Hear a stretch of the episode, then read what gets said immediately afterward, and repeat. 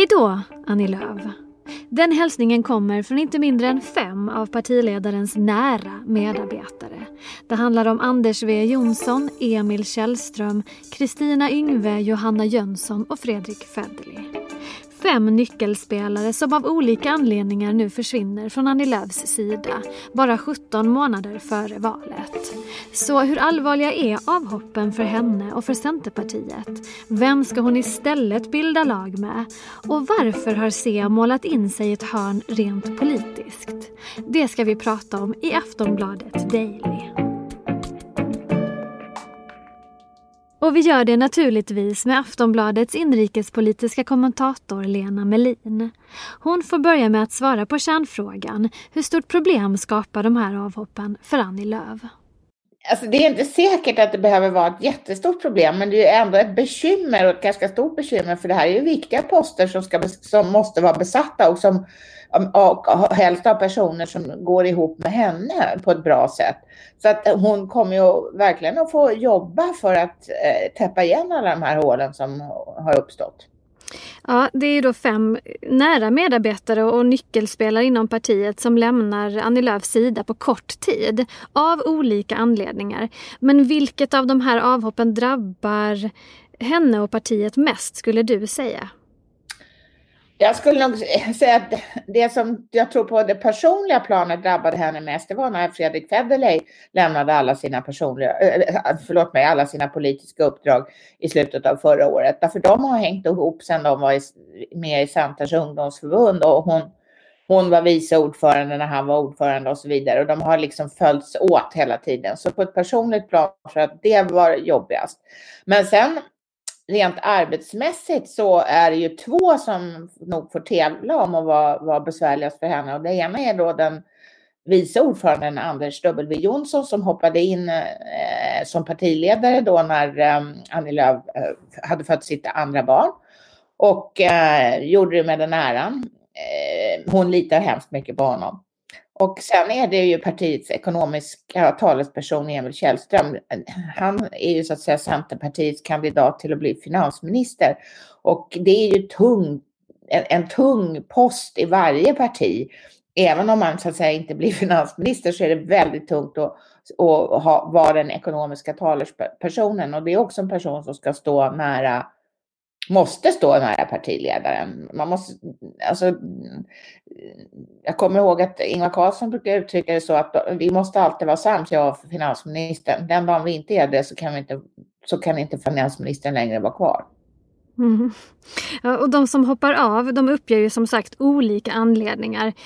Det är någon som vill göra något nytt, det är en som ska ut i skogen med hundarna. Det finns lite olika eh, liksom bakgrundshistorier här.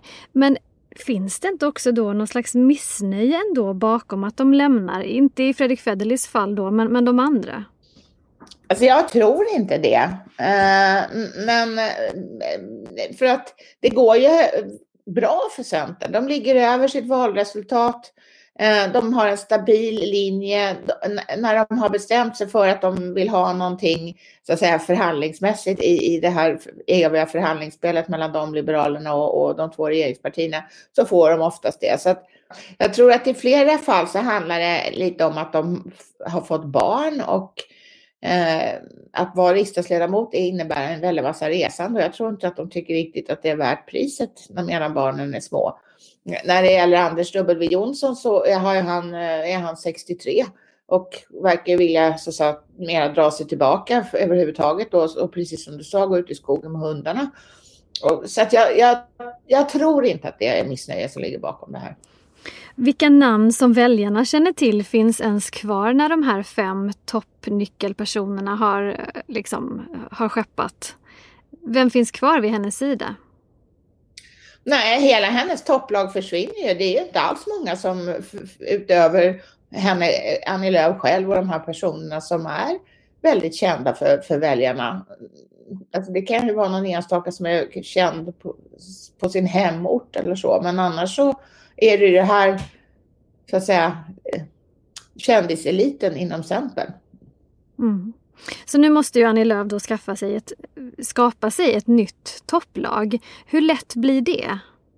Jag tror att, det blir svårt därför att dels så måste de här nya personerna vara beredda att... Alltså det är, det är slitsamt att sitta i en partiledning eh, och det är slitsamt att sitta i, i, i riksdagen så de måste vara beredda att uh, satsa Eh, den tid och den kraft de, som kommer att krävas av dem. Eh, de kommer ju också vara tvungna att stå lite tillbaka för Annie Lööf. De får inte, de får inte skina allt för mycket på, på just de här personerna för det tror jag inte att eh, hon skulle gilla. Mm. Hon, hon ska ändå vara liksom center, centern i Centerpartiet så att säga.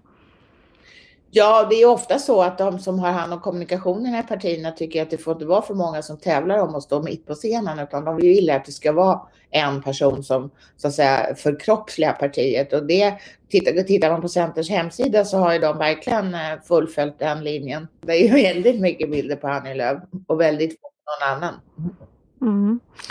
Om hon nu hittar ett nytt topplag, hon måste ju göra det. Hur ska de hinna bli ett sammansvetsat lag före valet? Det är ju bara 17 månader kvar. Ja, jag tror de flesta som har varit aktiva, eh, eh, som kan, de flesta som kan bli överhuvudtaget är tänkbara för den här typen av höga uppdrag i ett så pass stort och etablerat parti som Centerpartiet. De, de har känt varandra oftast väldigt länge, ända sedan de var unga.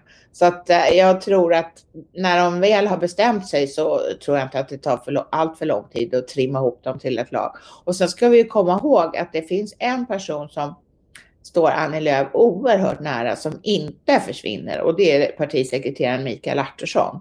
Och han är ju otroligt viktig för Centerpartiet. Mm. Sen är det också det att Centern står ju i viss mån rätt isolerade inom svensk politik och du skrev i din senaste eh, kolumn om Centerpartiet att de har målat in sig i ett hörn. Hur menar du då? Ja, det har blivit så. Centern är ju emot varje form av inflytande för Sverigedemokraterna. Eh, de, de vill inte ens liksom samarbeta med partier som öppnar sig mot, mot, mot Sverigedemokraterna och det betyder att de kan inte samarbeta med Moderaterna, inte med Liberalerna, inte med Kristdemokraterna och inte såklart då med Sverigedemokraterna heller. Eh, så att eh, de har också sagt, och det står till och med inskrivet i januariavtalet, att ytterkantspartierna inte ska ha något inflytande. Och den formuleringen kommer till på, på Annie Lööfs eh, eh initiativ. Så det betyder att de vill inte heller ha med Vänsterpartiet att göra. Kvar åt, finns ju då eh, bara Socialdemokraterna och Miljöpartiet. Och det, Ja, det, det är det hörnet står de, de här tre. Mm. Mm. Och vad tycker väljarna om det? Alltså, väljarna är ju fortfarande kvar på höger-vänsterskalan. De, de flesta väljare definierar sig som antingen att de är åt höger eller lite åt höger eller åt vänster eller lite åt vänster. Och Därför gillar de oftast inte partier som är oklara på den här punkten eller som väljarna uppfattar som oklara på den här punkten. Nu tror jag i och för sig att Annie Lööf är så pass tydlig att det kanske inte blir något större, är något större problem för dem. För att hon är ju väldigt noga med om att de är ett borgerligt liberalt parti och, och, och så vidare. Men samtidigt har hon ju sagt också att hon är öppen för att sitta i en S-ledd regering efter valet och att Centern går till val på att eh, bli ett, ett regeringsparti. Hon har då, eh, och inte uteslutit eh, på det stadiet någon, någon typ av regering. Så att, men som sagt, hennes regeringskamrater kan ju då räknas på tummen och pekfingret. Sen är de slut. Det är bara två partier. I maj ska ju Centern spika sin framtidsagenda som det heter då för de kommande tio åren. Vilket är ditt råd till Annie Lööf? Jag tycker egentligen att Annie Lööf är inne på rätt linje.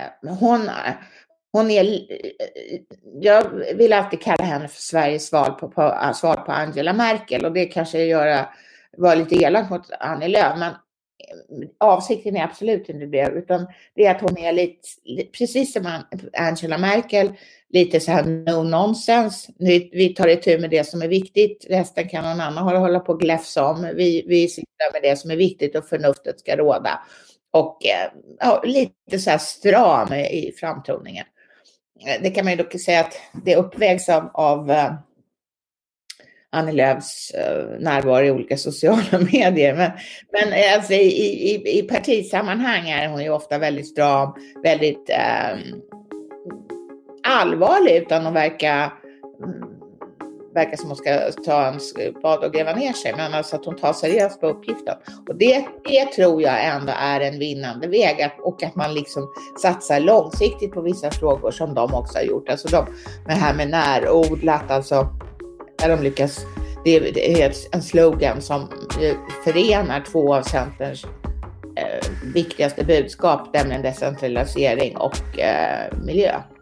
Just det. Så hon ska fortsätta lite grann på, på inslagets spår helt enkelt? Ja, det tycker jag. Sist här hörde vi Lena Melin, inrikespolitisk kommentator på Aftonbladet. Jag heter Olivia Svensson och du har lyssnat på Aftonbladet Daily. Glöm inte att prenumerera på podden så att du inte missar några avsnitt. På återhörande, hej då.